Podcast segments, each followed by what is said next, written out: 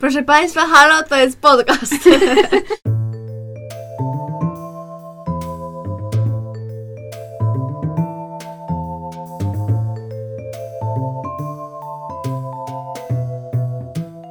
Witamy w pierwszym odcinku naszej Matrixowej serii, naszej drogi do Matrixa, drogi do zmartwychwstania, e, gdzie będziemy omawiać e, każdy film z trylogii co doprowadzi nas do najnowszej odsłony serii, która swoją premierę będzie miała 22 grudnia, e, którą też zresztą omówimy.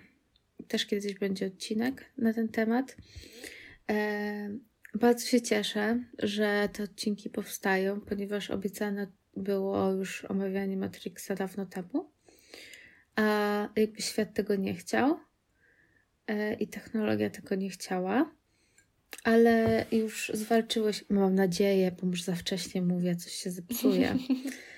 Mm, na początek może podsumujmy sobie krótko w ogóle wydarzenia z pierwszego filmu. Także nasz bohater e, dowiaduje się, że żyjemy w Matrixie. No, ja Wam powiem, że e, ja oglądałam ten film kiedyś i wczoraj obejrzałam go kolejny raz, żeby sobie przypomnieć. Tak, ja, ja na pewno pamiętam tą scenę, jak e, Nio leży w łóżku i e, wyświetla mu się tam na komputerze, wiecie, tam, że tam wake up i tak dalej. To pamiętam tą scenę.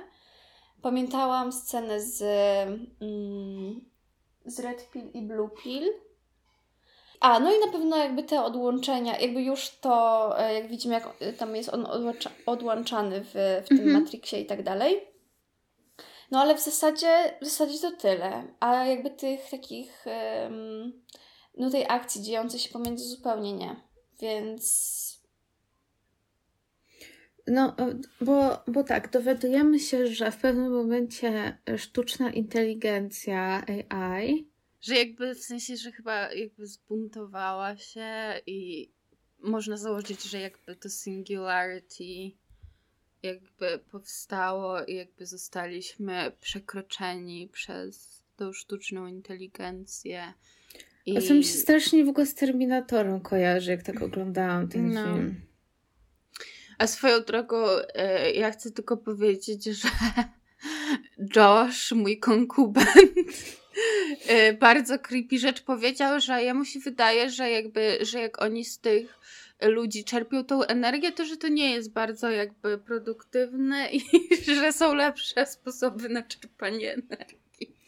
No właśnie, bo oni czerpią energię z ludzi, ponieważ e, na początku jakby wszystko było z paneli słonecznych i właśnie ludzkość e, chcąc jakby e, powstrzymać maszyny, zniszczyła jakby słońce, ale wtedy e, no, maszyny właśnie znalazły w ludziach e, ludzkie baterie. E, I. Humans, hmm. czekajcie, chciałam tutaj jakoś. Bo to ten różowy króliczek to był Duracell, nie? No. Firma taka. Humacell. Humacell, no. Humatories. o, to dobre, to dobre. No i wiemy, że jest ostatnie ludzkie miasto, które się nazywa Zion. I mi się wydaje, że w, w kolejnym filmie to tam będzie się działa akcja chyba, prawda? Nie wiem, czy coś mhm. kojarzycie. Bo czy Zion to nie jest, że oni tam cały czas mają rave, jakby nie ustają? Chyba tak, to A, coś to mi się, tam. coś Dobra, mi się jawi. To ja też coś kojarzę. No.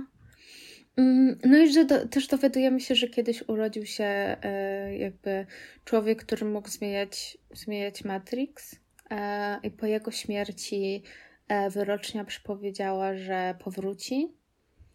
E, no i oni wszyscy myślą, że jest to Neo.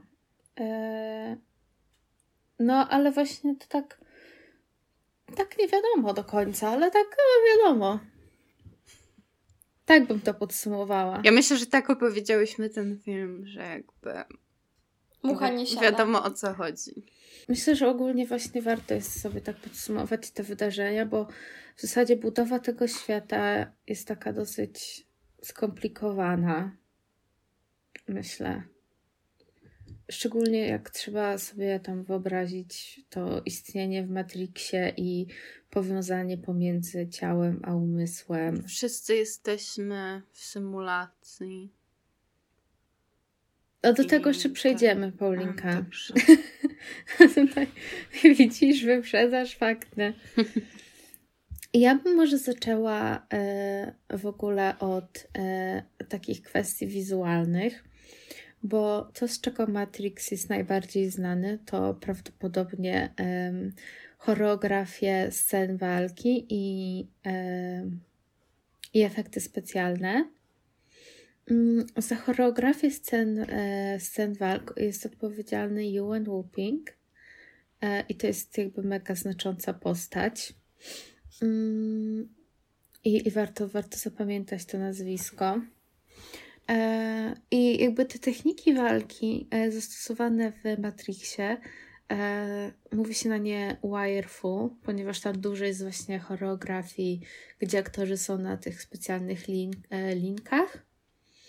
Mm, No i to też, co wydaje mi się dosyć ciekawe, to to, że w zasadzie ten styl walki i, i też sposób w zasadzie kręcenia scen akcji bardzo wpłynął na późniejsze filmy i w ogóle na, na, na, na sposób, w jaki wyglądają filmy akcji w Hollywood.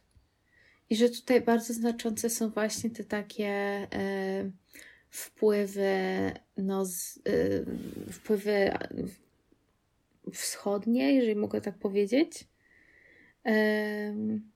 No i właśnie, mm, nie wiem, nawiązanie do e, jakby hongkońskiego kina. Mm, I też po- powiem tutaj, sprzedam taką anegdotkę, że em, Czy to jest insider information? I wish, ale. Poczekajcie, jak się nazywa po polsku stand double? Kaskader? Dubler? Tak, Mhm. tak. Keanu Reevesa. E, W Matrixie e, był nim Chad Stahelski, czyli reżyser Johna Wicka. O, nie wiedziałam tego. No i w ogóle to jest ciekawe, bo, bo też w Johnie Wicku się pojawia Lawrence Fishburne i tam dużo jest takich reunions w zasadzie.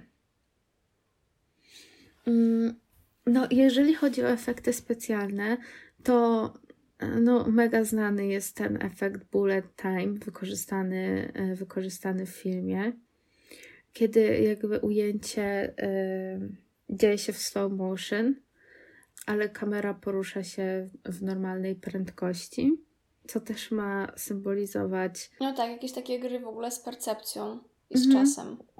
Z dokładnie. postrzeganiem czasu. No, czasu przestrzeni w ogóle. I ja chciałam jeszcze dodać o właśnie jedną rzecz. Jak już specjalnie wyciągnęłam swoją prezentację ze studiów, e, to jestem gotowa opowiedzieć o wpływach niemieckiego ekspresjonizmu filmowego. Mi się wydaje, że mogłyśmy o tym filmie już kiedyś rozmawiać, a przynajmniej ja go pewnie wspominałam gdzieś tam już we wcześniejszych odcinkach. A chodzi mi tutaj o Dark City Alexa Proyasa, e, który jest bardzo podobny do Matrixa, jakby nie tylko w tej sferze wizualnej, ale też e, tematycznej. No i niemiecki ekspresjonizm to e, na przykład takie filmy jak Student z Pragi albo Gabinet doktora Caligari czy Metropolis. Takie najważniejsze cechy charakterystyczne. Pewno taka niepokojąca atmosfera, duże kontrasty, czerni i bieli.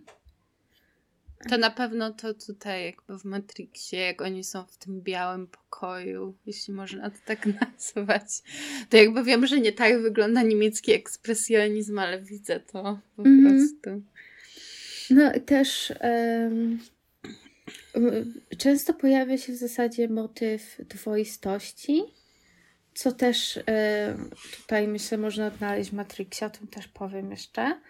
E, no i też jeżeli chodzi na przykład właśnie o, nie wiem, o gabinet doktora Caligari, no to e, tam kluczowa jest jakby cała ta kwestia podświadomości i też takiej niezwykłej rzeczywistości, która na przykład w tym filmie jakby objawia się poprzez scenografię, e, za którą odpowiedzialny był taki zespół Der Sturm. Też pojawiają się w tych filmach wątki fantastyczne. Właśnie w zdjęciach e, to, o czym mówiłam, te kontrasty i w ogóle światło e, jako, jako środek wyrazu. Dużo jest eksploracji tematyki lęku. Wszystko jest takie dosyć Mm, przestylizowane, jeżeli to tak mogę nazwać. Jakby z jednej strony gra aktorska, ale z drugiej też um, właśnie ta scenografia, która przyjmuje taką dramatyczną rolę też. Powracając jeszcze na chwilę do tego filmu Dark City, czyli Mroczne Miasto, wydaje mi się, że tutaj te paralele są dosyć istotne i ciekawe i mogę Wam przeczytać o czym jest. Mm, główny bohater John Budzi się w hotelowej wannie. Mężczyzna nic nie pamięta, a na podłodze pokoju leży zamordowana kobieta. Po chwili e, dostają telefon, że ma uciekać. Tymczasem skąpane w ciemności miasto, w którym się znajduje, równo o północy nagle za, e, zamiera. Wszystko to wydaje się mieć związek z tajemniczymi przybyszami. No i ci przybysze w ogóle mają taką mega dziwną fizjonomię i dziwne ruchy, które też są nawiązaniem do. E, do gabinetu doktora Caligari, bo tamten bohater jest taki dziwnie zbudowany, jest taki bardzo wydłużony, taką bardzo wydłużoną sylwetkę. I też budowa miasta, e, które tam e, jakby ewidentnie nawiązuje do Metropolis Fritza Langa. E, a z takiego nurtu właśnie filmów też, które nawiązują do tego niemieckiego ekspresjonizmu, i też do w zasadzie gatunku neo-noir, ale neo i tam neo, ale się. E, no, to, e, no to będzie na przykład Kruk e, z Brandonem Lee też. No i może już na tym to ja zakończę już to, bo to już aż żal słuchać, no. Nie, nie można siebie tak disować. Ja w ogóle Co? chciałabym wywołać e, Gosię, bo ona tam coś chciała powiedzieć, a ja jak zwykle, no jeszcze nie skończyłam. Nie, nie, nie, bardzo, nie, bardzo dobrze, bardzo dobrze, bo może to, um, to nas doprowadzi do kolejnego punktu, który jest zapisany. Alicja w Krainie Czarów. I jakby dlaczego? Moje pytanie jest dlaczego? Znaczy ja rozumiem, że to właśnie wiecie, ta dwoistość światów i to tutaj takie... Mm, ale to właśnie jak już, jak już rozmawiamy o tym dualizmie, to czy jakby świat według Matrixa jest binarny? No na to by wyglądało, no bo w sumie cały kod komputerowy jest binarny, nie? No i że, no. znaczy ja w ogóle do dzisiaj jak na przykład zaglądam przez ramię Joshowi, który coś pisze, jakiś kod, to ja mówię, że ja nie widzę tutaj kodu. Ja widzę blondynkę, brunetkę. Kocham. No tak, możemy w ogóle przejść do tej Alicji w Krainie Czarów, bo, e, bo to jest jedno z takich pierwszych e, ewidentnych nawiązań. Poza symulakrami, do których przejdziemy. E, ale tak pojawia się tam właśnie to e, ten e, biały króliczek i w ogóle. Mm, no i też ten motyw takiej, że po drugiej stronie lustra i taki w ogóle wątek tego przejścia i też wejścia w jakby zupełnie inny świat, który funkcjonuje też na innych zasadach. Mhm. Dla mnie w ogóle to jest bardzo ciekawe, taki jakby fenomen popkulturowy, znaczy kulturowy też chyba. W ogóle Alicji w Krainie Czarów i w ogóle takich historii, nie? W sensie mm, z takiego porządku, jak właśnie potem Czarnoksiężnik z Krainy Os. Mm-hmm, mm-hmm. Chyba ty Justynka napisałaś w notatkach jakby o Platonie i tak dalej, ale w sensie, że to się odnosi do takiego poczucia, że jakby to, co widzimy, ma jakieś drugie dno i że jest jakiś właśnie cieniowy, nie wiem jak to nazwać, ale że świat, który jakby jest gdzieś pod spodem mhm. i, i właśnie niekoniecznie w takim myśleniu typu jakby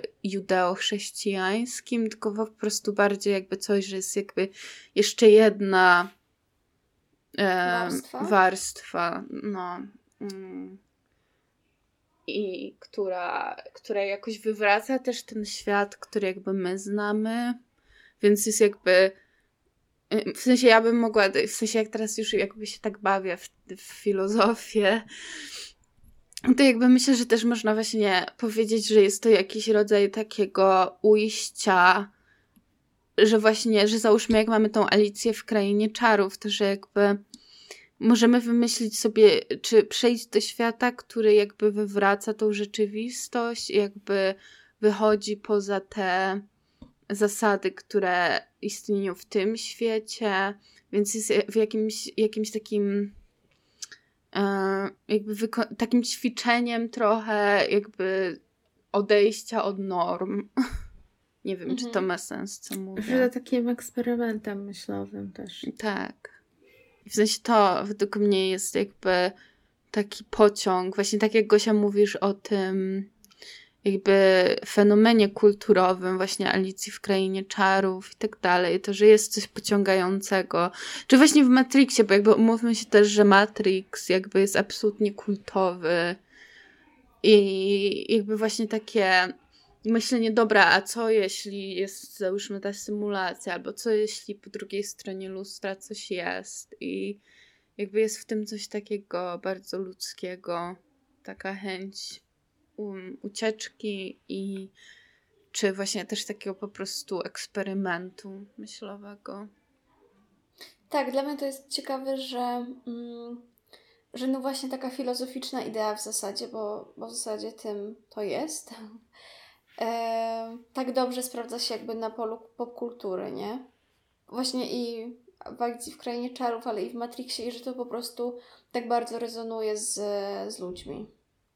Znaczy ja w ogóle jestem ciekawa, bo jakby właśnie też jakby ten świat idei, załóżmy Platona, to jakby to też tak zakłada, że my jesteśmy taką słabą um, imitacją tego, a jakby właśnie nie wiem jak to z Alicją w Krainie Czarów, ale jakby w Matrixie jednak mamy lepszy, w sensie ten świat w Matrixie jest lepszy, ale jest kłamstwem, więc czy wolimy jakby właśnie żyć w tym kłamstwie, czy jakby widzieć swoją rzeczywistość jako taką, no, że jesteśmy e, bateriami. No to jest w zasadzie jedno z najważniejszych, o ile nie najważniejsze pytanie stawiane przez ten film. E, I też myślę, że istotne jest tutaj to, że, że jak już raz poznasz prawdę, to nie ma od tego powrotu. E, chociaż no, ten bohater e, Cypher bardzo, bardzo tego chce, e, ale no, to, to, to się nie uda. Mm, I to myślę jest takie pytanie też, na które w zasadzie no, trudno jest odpowiedzieć. Ja sobie myślę, to jakby nie wiem, czy to trochę nie, wyprzed, jakby nie wyprzedzę do jakiegoś kolejnego tematu. Gosia, ja myślę, że ja już poskakałam po tylu tematach, że... Bo myślę sobie właśnie nad tym czasem, nie powstania Matrixa, czyli, bo to jest 99, tak? Mhm. Mm. No i wcześniej chyba tam 98 to był Truman Show. No, mm, tak mi się kojarzy. No.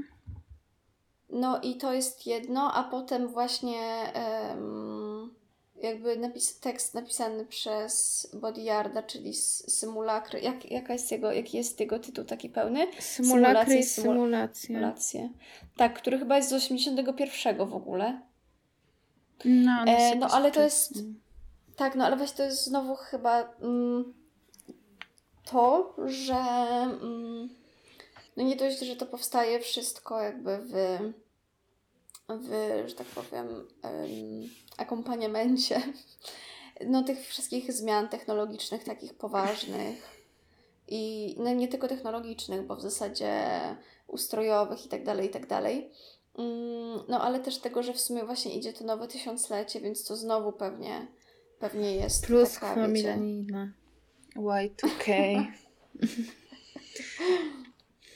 no ale to wydaje mi się też o tyle właśnie E, to, co mówisz, istotne, Gosia, że w sumie ten motyw strachu przed nowym tysiącleciem, e, dosyć często się pojawia w ogóle, myślę, że w tekstach kultury z tamtego Ale czasu. też w ogóle właśnie też taki technologiczny stricte, nie? Mhm. I to też trochę znowu się łączy z tym bodyguardem i jakby tym, że on w pewnym momencie zajął się tymi tekstami McLuhana o tym jakby jak medium ma wpływ na społeczeństwo i właśnie tutaj trochę ten strach, że ta technologia jakby jest przeciwieństwem społeczeństwa. Znaczy jakby nie mówię teraz o bodyguardzie, tylko tak ogólnie jakby właśnie ten lat 90. dekadencki strach jakby przed technologią i jakby przed tym, jak zmienią się ludzie. No i jakby Matrix w sumie dużo ma takiego właśnie, jakby, że to medium trochę jakby w, e, wpływa na formę, w sensie, że jakby to medium kodowania, jakby, że właśnie patrzymy na w Matrixie mamy świat właśnie zero-jedynkowy. Mhm. Tak, Nie wiem, no, czy no to ma sens. Tak, tak, tak, myślę, że zdecydowanie, bo właśnie może to jest czas na przejście do, do Bodyguarda i jakby trochę porozmawianie właśnie o tych symulakrach i symulacjach, które zresztą ta książka pojawia się w, w filmie. I może, y, y, y, może tutaj Justynka powiedz o tym, że tak, to było tak, że oni musieli czytać, y, wszyscy, w sensie mieli za zadanie przeczytać tą książkę przed. Mm, Tak, wszystkim, e, wszystkim aktorom kazano jakby z tej obsady głównej. Mhm. On chyba coś tam jojczał, że jakby trochę nie, nie ten film, nie, nie tak to. Bodyguard. No. Ale to jak Tak. zawsze jakiś starszy pan jęczy. Ja w ogóle chcę tylko powiedzieć, że ja chyba pisałam w swoim licencjacie o bodyguardzie, ale nie pamiętam co. No to tutaj znawczyni, to co ja tutaj No no właśnie. Bo mi się tylko przypomniało, jak zaczęłyście o nim wspominać. Ja nawet to było coś, wiecie, media, srat taty, więc Mhm. nieważne. No, tak, tak, no bo, ale właśnie się chciałam odnieść do tego, co mówiłaś, tak, że, że w ogóle ta jego teoria i symulacji i symulakr yy, i symulakry to jest w ogóle tak ciężkie słowo do, odmi- do odmiany. Mm, no właśnie trochę, trochę ta teoria jakby była na dwóch jakby frontach eksplorowana. Jedna to jest właśnie taka em, mm, taka ontologiczna, w sensie tego, jak w ogóle próba po prostu opisania, powiedzmy, jakiejś tam złożonej rzeczywistości za pomocą tej teorii. No a druga to jest jakby zaaplikowanie tego do, no właśnie do mediów i do tego, jak się w ogóle,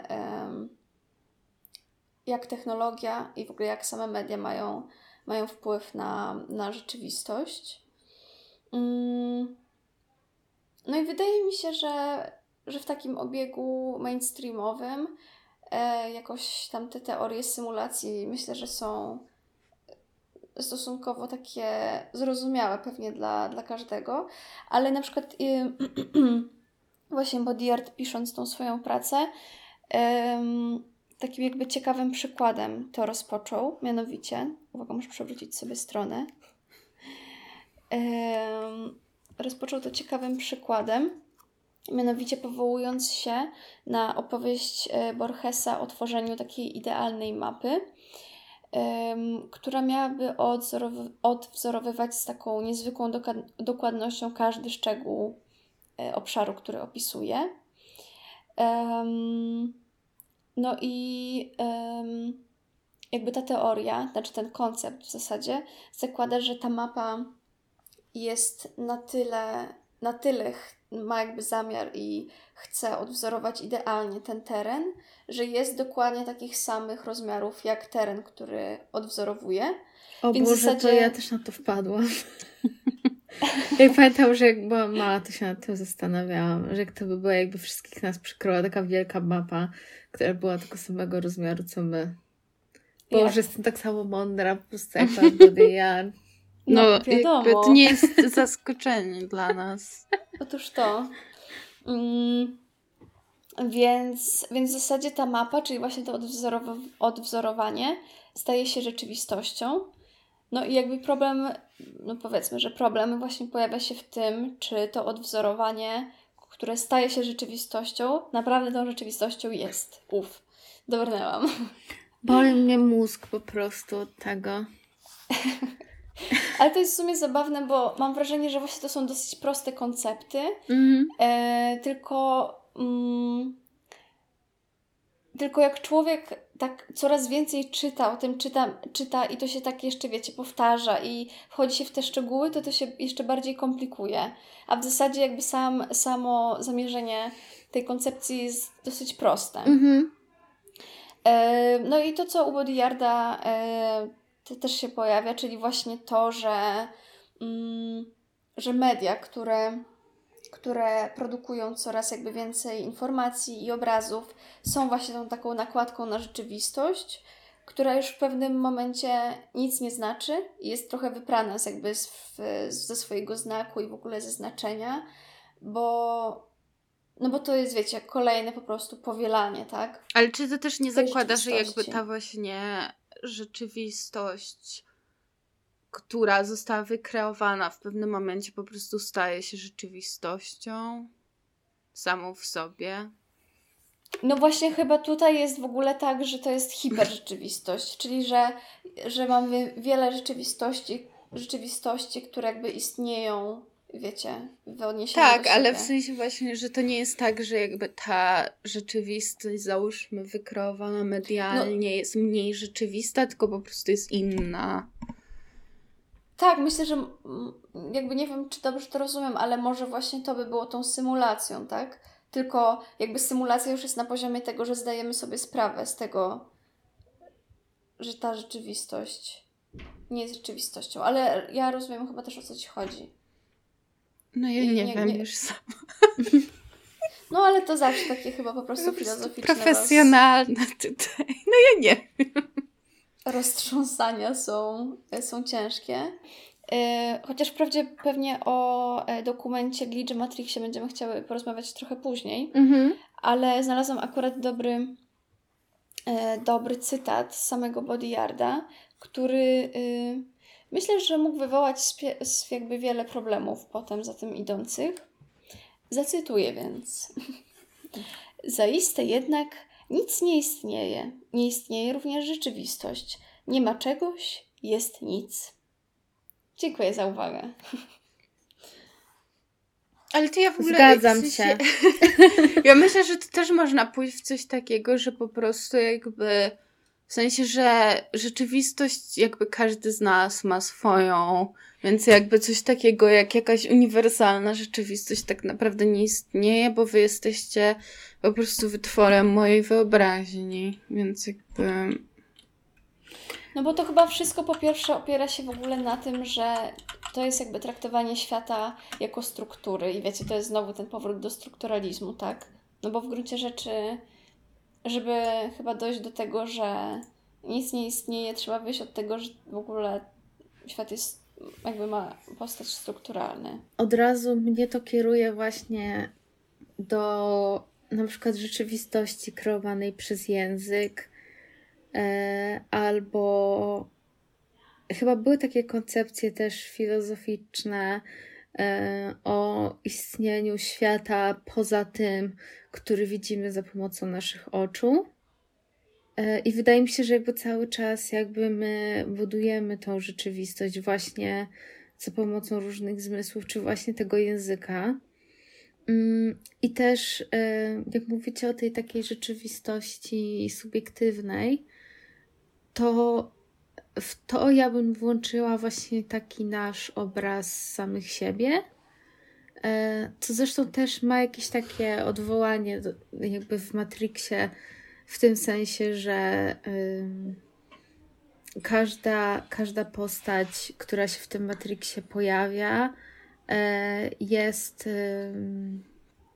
jest takim, nie chcę powiedzieć awatarem, ale oni jakoś to dobrze, dobrze tak ujmują. Czekajcie. Mm. A, y, oni to nazywają mental projection of your digital self Mhm. e, albo residual self-image. E, no i właśnie ta właśnie projekcja samego siebie też myślę, że jest tutaj ciekawa. Tak, no ja myślę, że to w ogóle. Mm, No tak, to się już potem jakby pewnie nam wszystkim jakby tutaj kojarzy właśnie, wiecie, z tym rozproszonym ja i tak dalej. I no to jest też ciekawe, bo chyba to z kolei padło w, w tym dokumencie Glitch Matrixie, do którego znowu się odwołuje. To chyba trzeba już którym... rozpocząć to. który właśnie wychodzi od takiego e, od takiego konceptu, że no każdy czas jest definiowany metaforą jakby odkryć, które wtedy były. Więc tak jak na przykład w czasach, kiedy budowano pierwsze akwedukty, mm, no jakby wierzono, że e, jakby metaforą była woda, tak? I że człowiek właśnie zbudowany jest z wody i mm jakby w ogóle te przepływy i tak dalej. No więc, mm, no więc jakby też nie dziwne, że na przykład teraz o rzeczywistości mówimy w kontekście w ogóle sieci e, i, I tej binarności w ogóle. Tak, mhm. tak, tak, tak. Ja może pociągnę ten e, temat e, dokumentu. E, on ma polski tytuł chyba Zakłócenia w Matrixie, wydaje mi się. E, I można go było obejrzeć w ramach Millennium Dogs Against Gravity w tym roku. E, I on właśnie przygląda się e, ludziom, którzy bardzo wierzą i są zaangażowani właśnie w tą teorię mm, Matrixa i tego, że żyjemy w rodzaju symulacji. I powiem tak. Osoby, które się tam wypowiadają jako autorytety, sorry girl, ale jakby Philip K. Dick i jakby on nie, on nie jest autorytetem od naj, najbardziej takich trzeźwych umysłów i e, ale tam dużo się jego wypowiedzi, wypowiedzi pojawia, e, co w ogóle też mnie kieruje do tego, że Matrix totalnie jakby jest filmem, który wydaje się być oparty na jakichś e, tekstach Dicka. Mm. E, a inną osobą robiącą za autorytetami jest na przykład Elon Musk, co jest jakby jeszcze gorsze.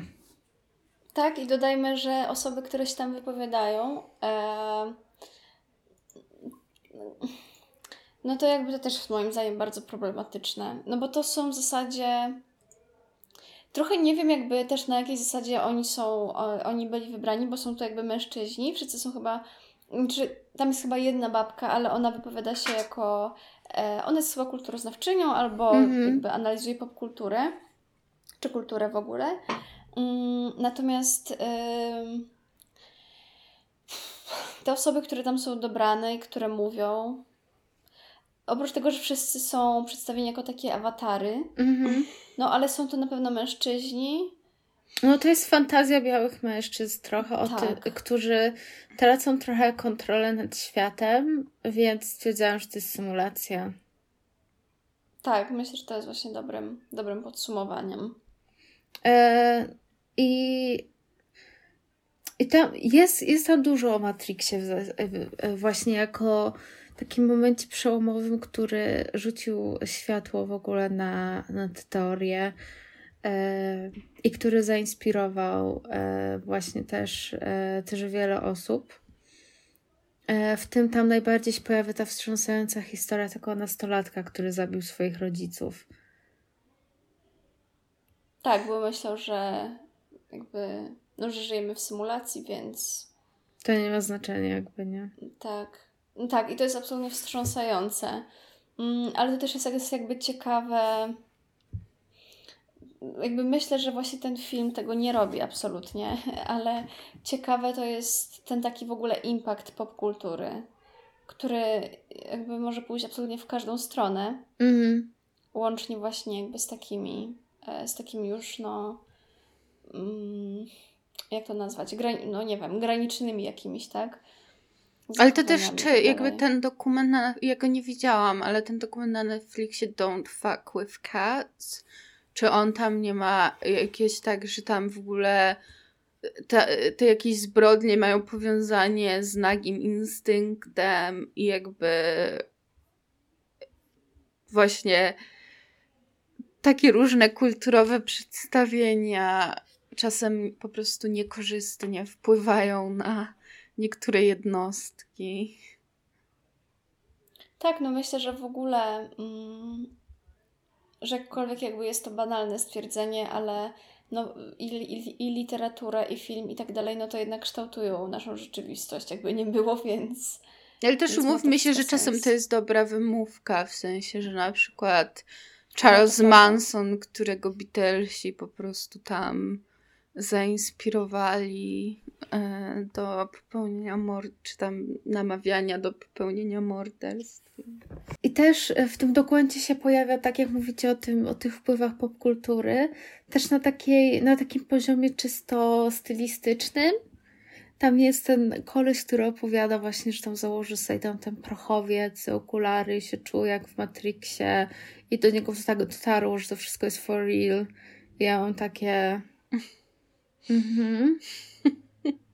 Tak, i tam odbierał chyba, stał w budce telefonicznej i wiecie, tam e, nie wiem, czy odbierał telefon, czy gdzieś zadzwonił, no... You do you. Znaczy, ja, ja powiem tak, nie ma nic bardziej strasznego niż straight white man przebrany za Neo. Jakby. to są moje przemyślenia. No, ale wiecie, znowu mnie, mnie to tak e, zastanawia, że że myślę trochę o jakby funkcji internetu, bo wydaje mi się, że na początku w ogóle przy, jakby przed takim rozchulaniem się internetu e, wiązano z nim mega dużo nadziei e, takich e, i takich optymistycznych e, wizji przyszłości, że to być dostęp do informacji i tak dalej. A jakby czas pokazał, że internet staje się takim miejscem, gdzie właśnie po prostu ludzie sami sobie nadają jakby legitność teoriom e, i, i takim na przykład właśnie różnym pomysłom na e, legitność Matrixa e, i Ale to, że jakby oni nie... się kontaktują ze sobą i jakby to kminią i, i też właśnie to, że w zasadzie to, jak internet miał być takim trochę um, rzetelnym źródłem informacji, jakby stał się takim mega, wiecie. Przepraszam, Wikipedia news. for life. No tak, no. Znaczy, ja myślę, że jakby to jest po prostu, w sensie według mnie przynajmniej, to jest kwestia ludzkiej natury, że ludzie po prostu zawsze będą głupi i jakby internet po prostu to wspomaga, ale jakby myślę, że też, że wspomaga wiele dobrych rzeczy. No bo to chyba jest w ogóle błąd w założeniu, że jakby internet, mm, w sensie inaczej. No, że internet jest jakby w pewnym sensie tylko narzędziem, tak? A to jakby jak jest używany, no to właśnie jest pewnie naznaczone trochę tą ludzką naturą. Znaczy... A jak, jak myślicie, to ja Wam zadam takie pytanie, jak myślicie w ogóle, e, czy na przykład e, byłoby tyle antyszczepionkowców, gdyby nie internet?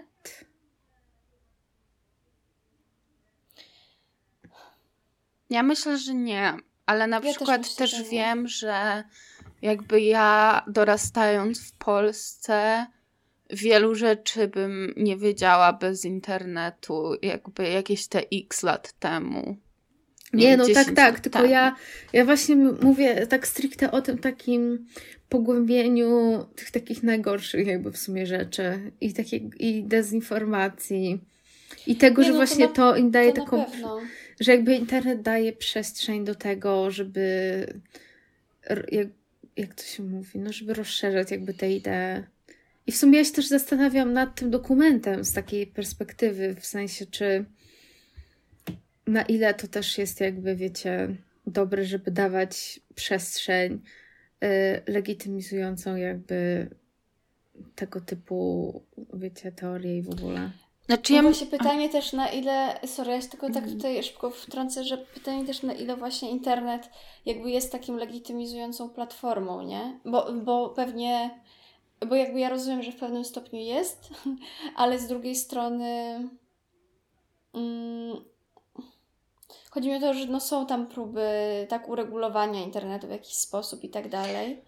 Ale czy, czy to, co przestrzenią się... w ogóle na to, żeby, żeby to siać? Ale czy to też nie jest jakby w sensie trochę jakby też nie wchodzi w to, czy w ogóle jakiekolwiek media i medium stworzone przez człowieka jakby jest wolne od dezinformacji, w sensie czy wiadomości są rzetelne, mimo że jakby są czy BBC nawet jest jakby można powiedzieć, że jest obiektywne. I nie no. Mhm. Znaczy nawet właśnie może jakby obiektywny to jest za mocne słowo, ale jakby w sensie na przykład tak jak ostatnio w Wielkiej Brytanii był podobno kryzys e, z paliwem, ale jakby w sensie to było tylko tak, że jakby BBC i w ogóle inne jakby, nie wiem, ITV, straty taty po prostu nakręcały to, że tak już zaraz nikt po prostu nie będzie miał paliwa i wtedy faktycznie jakby ludzie zaczęli stać w kolejkach do stacji benzynowych, a paliwa nigdy nie zabrakło, tylko po prostu stało się droższe. Więc jakby to też było takie, że jakby kto nakręca co. Trochę jak w tym e, filmie Nightcrawler chyba z Jake'em Gyllenhaalem. Nie wspominaj tego imienia w mojej obecności. A przepraszam, nie chciałam tutaj urazić the one and only, ale no, więc jakby znaczy ja się zgadzam, Justynka, ale też właśnie myślę, że jakby nie, nie ma co mówić, że jakby jest albo tylko słaby, albo tylko dobry. Ale to ja się zgadzam w pełni z tobą. Ty, ty się, się, się zgadzamy. zgadzamy. Po to jest ten podcast. Umówmy się. Aczkolwiek ja mm. myślę, że o ile właśnie świat Matrixa i w ogóle tego filmu jakby jest dość binarny, to, że jednocześnie jakby jest dużo wartości w e, to jest trochę tak jak z płaskoziemcami, że jakby ja nie mogę ich nienawidzić, bo uważam, że to są ludzie, którzy po prostu jakby chcą jakoś e, w sensie nie przyjmować tego, co jakby mówi im na przykład rząd, czy jakby co jest im mówione, nie chcą tego przyjmować po prostu na ślepo. I ja nie twierdzę, że oni mają rację, bo jakby są lepsze rzeczy, które można podważać niż e, okrągłość Ziemi, ale jakby ja myślę, że że jakby Matrix trochę jakby też wspomaga to takie myślenie, że może nie, że faktycznie jakby to są fakty, że jesteśmy w symulacji, ale że jakby spojrz, spójrz na rzeczywistość jakby z innej strony niż najbardziej oczywistej. Tak, właśnie totalnie. To jest, to jest mega ciekawy pomysł na poziomie takiego eksperymentu myślowego i tego, żeby jakby właśnie zmienić trochę postrzeganie świata. Y, tak jak właśnie w tym moim wspomnianym przykładzie tego języka, jakby mającego siłę jakby tworzenia y, jakby świata i rzeczywistości. Ale no właśnie w momencie, w którym tak jak w tym dokumencie, te osoby jakby są tak mega wkręcone w tą teorię i mówią, że to jest na 100% prawda i jakby wiecie, no to tak. już tutaj to znowu wraca jest... do tego, że jakby jakiegoś ekstremum, że no tak na pewno jest i jakby... Tak, no bo moim zdaniem też jakby pytanie, że nawet jeśli powiedzmy, załóżmy, że, że tak jest, no to jakby co dalej z tym robimy, tak? Bo no jakby jednak nadal żyjemy, nie wiem, w społeczeństwie, czy nawet w relacjach z innymi osobami i jakby jak to potem... society. Dokładnie.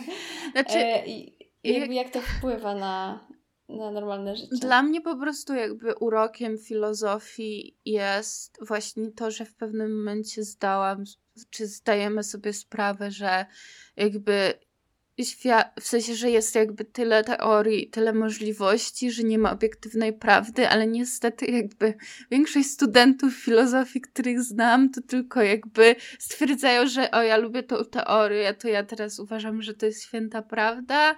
I jakby to samo dzieje się z ludźmi, którzy właśnie jakby wierzą w te symulacje, czy w Ilona Maska, że jakby czy Elon Musk, który jakby nie powie, że no nie ma obiektywnych prawd, wszystko jest jakby ten, tylko że on będzie, że to jest symulacja i nie chce płacić podatków. Ej, zróbmy w ogóle oddzielny odcinek na temat Ilona Muska. Możemy zrobić live'a, słuchajcie, za tydzień. Mikołajkowy live o Ilonie Masku.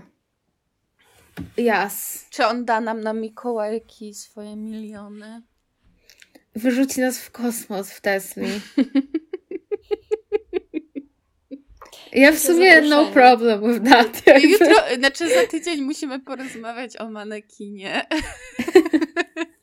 Bo jakby girl. E, I właśnie to, dobrze, że wspominasz tego Ilona Maska, bo ja też chciałam Was właśnie tutaj skłonić do dyskusji na temat tego, czym się w ogóle stało Red Pill. E, jak jakby właśnie ta, mm, ten taki symbol z filmu w ogóle wszedł do, do popkultury, kultury. I czy Cypher jest incelem, tak jak pytała Gosia? Tak.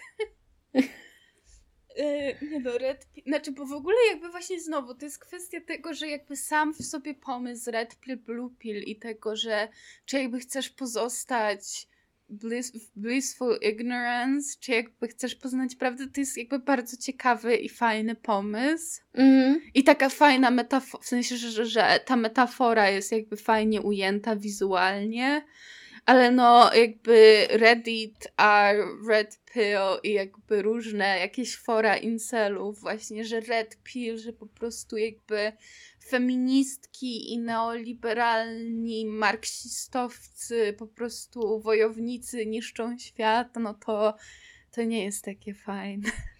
Jeszcze właśnie znowu to jest ten fakt legitymizacji tego, jak Elon Musk sobie tweetuje że no tam, tam Red Pill i w ogóle przystań. Ale jakby, bo właśnie jakby problem z nim jest taki, że on jakby, w sensie, że on zdaje sobie sprawę z sił, jakby z tej mocy, którą posiada, ale jakby totalnie ma to w dupie. Używam jakby, do złego, no, jak każdy bardzo...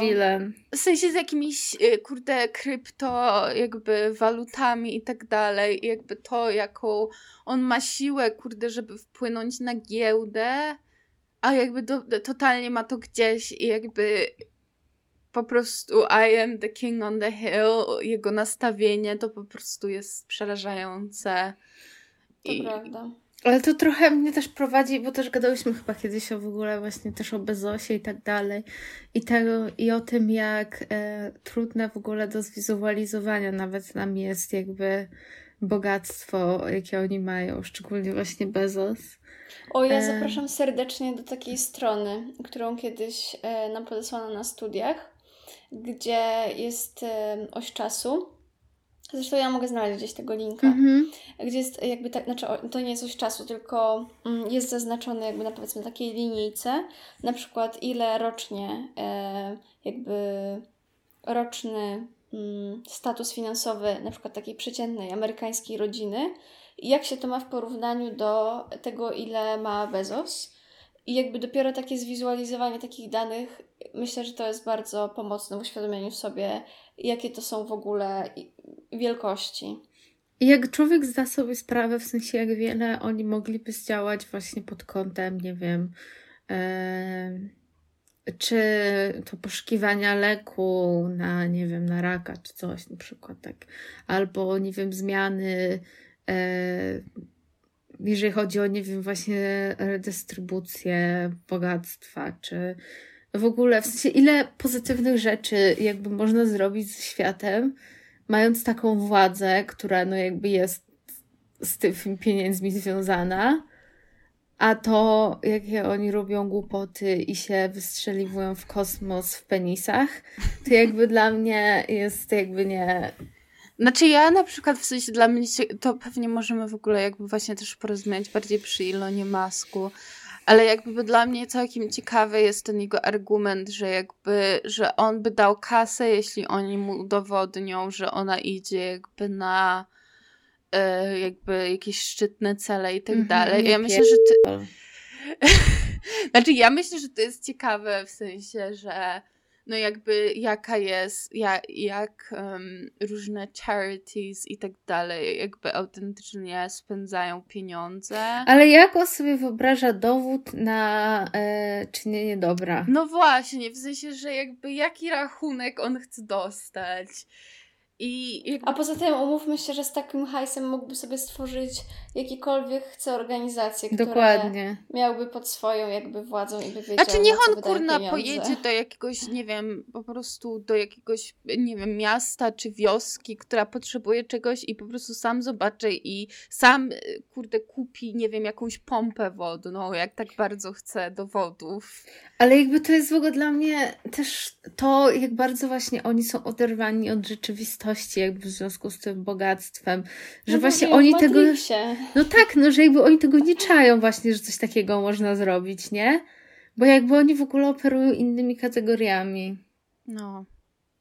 No to dupy po prostu. A ja na tym live'iku obgadam już Ilona Maska i te Ja jego żony, które tam wyglądają jak jego matka i jakby... Słuchajcie, ja, ja chcę prowadzić e, o Ilonie Masku, Dobrze. Bo, bo ja się zgłaszam. To ja, ja wezmę tą działkę życie prywatne. Znaczy ja myślę, że to w ogóle Grimes jeszcze jak wyjdzie, która czyta Communist Manifesto na zdjęciach, żeby reklamować jakąś clothing brand, to po prostu Co mas. Aaa, iconic, ale jakby w złym, złe iconic. No, e, wracając jednak już e, totalnie do Matrixa, to powiedzieliśmy trochę o filozofii i w ogóle tych odniesień filozoficznych jest mega dużo i powstało też wiele książek na ten temat. Mm, Bo tam i Kant, i Descartes, i też właśnie ten wspomniany Platon. E, Przy czym też my, myślę, że ta metafora jaskini w ogóle też jest mega ciekawa w kontekście Matrixa. Ale oprócz takich e, filozoficznych wątków, to pojawia się też dużo odniesień do religii. E, Chociaż religia z filozofią jest dosyć powiązana. E, No i najwięcej odniesień to wiadomo jest biblijnych. Wiadomo, że tam Neo jest Jezusem, ten Cypher jest Judaszem, pojawia się ta Trinity, czyli tam wiadomo, że tam nawiązanie do Świętej Trójcy i tak dalej. E, I też mnie bardzo zaciekawił, e, zaciekawiła nazwa statku, czyli Nabuchodonozor, mm, która, która jest właśnie nawiązaniem do e, tamtego jakiegoś gościa z Biblii, który y, przekształcił Babilon w twierdzę i e, na którego podstawie zbudowano wiszące ogrody Semiramidy. E, I on też miał taki sen, którego tam nie mógł zapamiętać, nie mógł go jakby zinterpretować i szukał odpowiedzi właśnie na, te pyta- na, na to pytanie tam z tego snu. E, I to właśnie też jako nawiązanie do, do w ogóle całych tych, e, do wszystkich kwestii filozoficznych w Matrixie i poszukiwania odpowiedzi i tak dalej. Tak, no y, ja powiem wam, że zawsze ja mam taki problem, że, znaczy nie wiem, czy to jest problem, ale obser- obserwuję u siebie, że przy takich właśnie mm, mam trochę wrażenie, że po prostu wiele rzeczy sprowadza się do tego samego. W sensie wiecie o co chodzi, że mówimy o Diku, to też wjeżdża po prostu religia cała na biało, filozofia i tak dalej. I oprócz tego, że to Mhm. są w ogóle podobne akurat tematy, y, ale że to jest, ja nie wiem w ogóle Znaczy ja, o- ja, sparafrazuję taki e, podcast, znaczy to nie jest podcast, ale że takie komentarze filmowe, jak jeden e, z tych ziomali powiedział, że Jesus kind of ruined pop culture. I jakby, że ktokolwiek jak się położy na krzyżu albo właśnie się poświęca, to jakby To prawda. tro, Yep. trochę ruined it. A na poziomie wizualnym, bo widzę, że ty Gosia wspominałaś też i zapisałaś e, ten motyw e, sieci. Tak, wątek usieciowienia. Ja z drugiej strony właśnie najbardziej zwróciłam uwagę na, na odbicia, że tam w sumie dużo jest właśnie takich e, e, luster, czy właśnie e, nie wiem, to odbicie na poziomie rzeczywistość a Matrix. Mhm. Mm, I to trochę się też łączy z tym dualizmem, z tego ekspresjonizmu niemieckiego, o którym mówiłam, nie? E, No i w zasadzie nie wiem, co jeszcze chcecie poruszyć, bo ja w sumie tam mogło się tak nagadać, ale wiecie, no jakby. No ja tylko mogę wspomnieć na przykład o postaci Switch, która jest ciekawa w stosunku do autorek filmu, siostry O, to dobry wątek, no. E, że właśnie jakby postać Switch oryginalnie miała być chyba w Matrixie kobietą, a w tej rzeczywistości mężczyzną. W każdym razie miała być jakby zmiana tej płci. Mhm. No i mhm. to później jakby tak ładnie się zgrywa z po prostu z tym jakby jak um, siostry Wachowskie się jakby zrobiły coming out, że są trans kobietami. I e, właśnie też jakby w pewnym momencie chyba Lili Wachowski mówiła, że właśnie jakby, że Matrix, jakby, że teraz dużo ludzi czyta Matrixa jako trans metafory i że jakby ona jest, w sensie, że ten Matrix jest tą metaforą, ale jednocześnie, że jakby to też pokazuje po prostu, jaką filmy mają moc jakby interpretacji, że to nie jest tak, że tylko właśnie jedna interpretacja e, na przykład właśnie transpłciowości to jest jakaś tylko właściwa, ale że jakby, że właśnie cieszy ją, że teraz te wątki są um, jakoś tam rozpatrywane. Wydaje mi się, że to też na takim poziomie podświadomym mogło, mogło mm -hmm. wpłynąć na ten film. Znaczy właśnie też ciekawe, czy podświadomym, czy świadomym. No tak. Ale no. tak, że na pewno jakby były jakieś wpływy i to jest bardzo ciekawe. I właśnie trochę się tak trochę e, kłóci z całym Red Pill Movement, który mm. no mhm. jest no, zazwyczaj anty-LGBT czy queerowy, ale no. Ja myślę, że po prostu też e, jeśli chodzi o samo Red Pill, to, to jest trochę takie, wiecie, po prostu wybranie sobie metafory, która nam pasuje, mm-hmm. mm, a jakby no i znowu traktowanie tego właśnie jako e, narzędzia, że tak powiem, do osiągania swoich celów po prostu. Tak. Ja w ogóle, to, jeżeli y, tak miała coś na koniec dodać, to chciałabym powiedzieć, że w ogóle dla mnie ciekawe jeszcze było to, że e, tamten agent Smith w pewnym momencie mówi, że na początku ten pierwszy świat, jakby, który oni stworzyli, był idealny i wszyscy byli szczęśliwi, ale ludzie tego nie kupowali. I to jest w ogóle mega ciekawe. I ja nie wiem, Justynka, czy... No mów, mów. A, nie, ja chciałam tylko powiedzieć, że w ogóle w następnym odcinku możemy bardzo y, dłużej porozmawiać o agencie Smithie, bo dla mnie on jest w ogóle fascynującą postacią i to, jak on jest zagrany, jest dla mnie po prostu wspaniałe, więc ja myślę, że teraz właśnie już możemy powoli kończyć, ale że sam agent Smith to jest ciekawa postać do porozmawiania. No, dobra, tak bo nam się, nam się spieszy bo tutaj robimy karierę, ale, ale będziemy, będziemy jeszcze rozmawiać w następnym odcinku e, o drugim filmie. Nie pamiętam, Czyli za dwa tygodnie. Tak. E, Matrix powiem... Rezurekcja, czy to jest ten trzeci? Właśnie nie wiem. No. Nieważne. Nie, a, a, a Rezurekcja to nie jest w ogóle... Matrix to... Rekolekcja. A nie, to ten czwarty może być. To ten czwarty. Ale chyba jest jeszcze reaktywacja i, i coś na R jeszcze. Tak? Rekolekcja! To wiesz, to wersja polska po prostu. Ale czyli za tydzień, nie rozumiem, robimy lejwika o Ilonie. O Ilonie, tak. Ja w ogóle już po prostu zacieram rączki tutaj. Także żegnam się z Państwem. Trzymajcie się ciepło. Będzie dobrze. Oglądajcie, oglądajcie razem z nami E, i przypominać sobie Matrixy w oczekiwaniu mm-hmm. na premierę. Kochani, Smacznej kawusi. No. Ciepłej herbatki i niemokrych skarpetek. Dokładnie. Oj, tak. Mówiła do Was Justyna, Gosia i Paulina. Pa! pa. pa.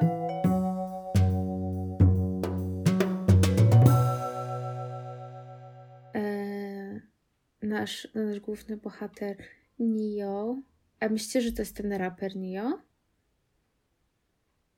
A, że ten. No nie, ten dowcip nie był taki super śmieszny. No ja nie, ja nie się... wiem, o kim mówisz. No taki raper jest Nio. Ja śpiewałam taką Ale on jest Closer. Raperem? Tak, a nie? No właśnie ja nie wiem, czy jest raperem, bo tak to Closer jest chyba nie jest takim rapem. To bardziej chyba takie R&B. A, no masz No, rację. nieważne. No jak zwykle, no się chciała, a wyszło jak zawsze. No. Mhm.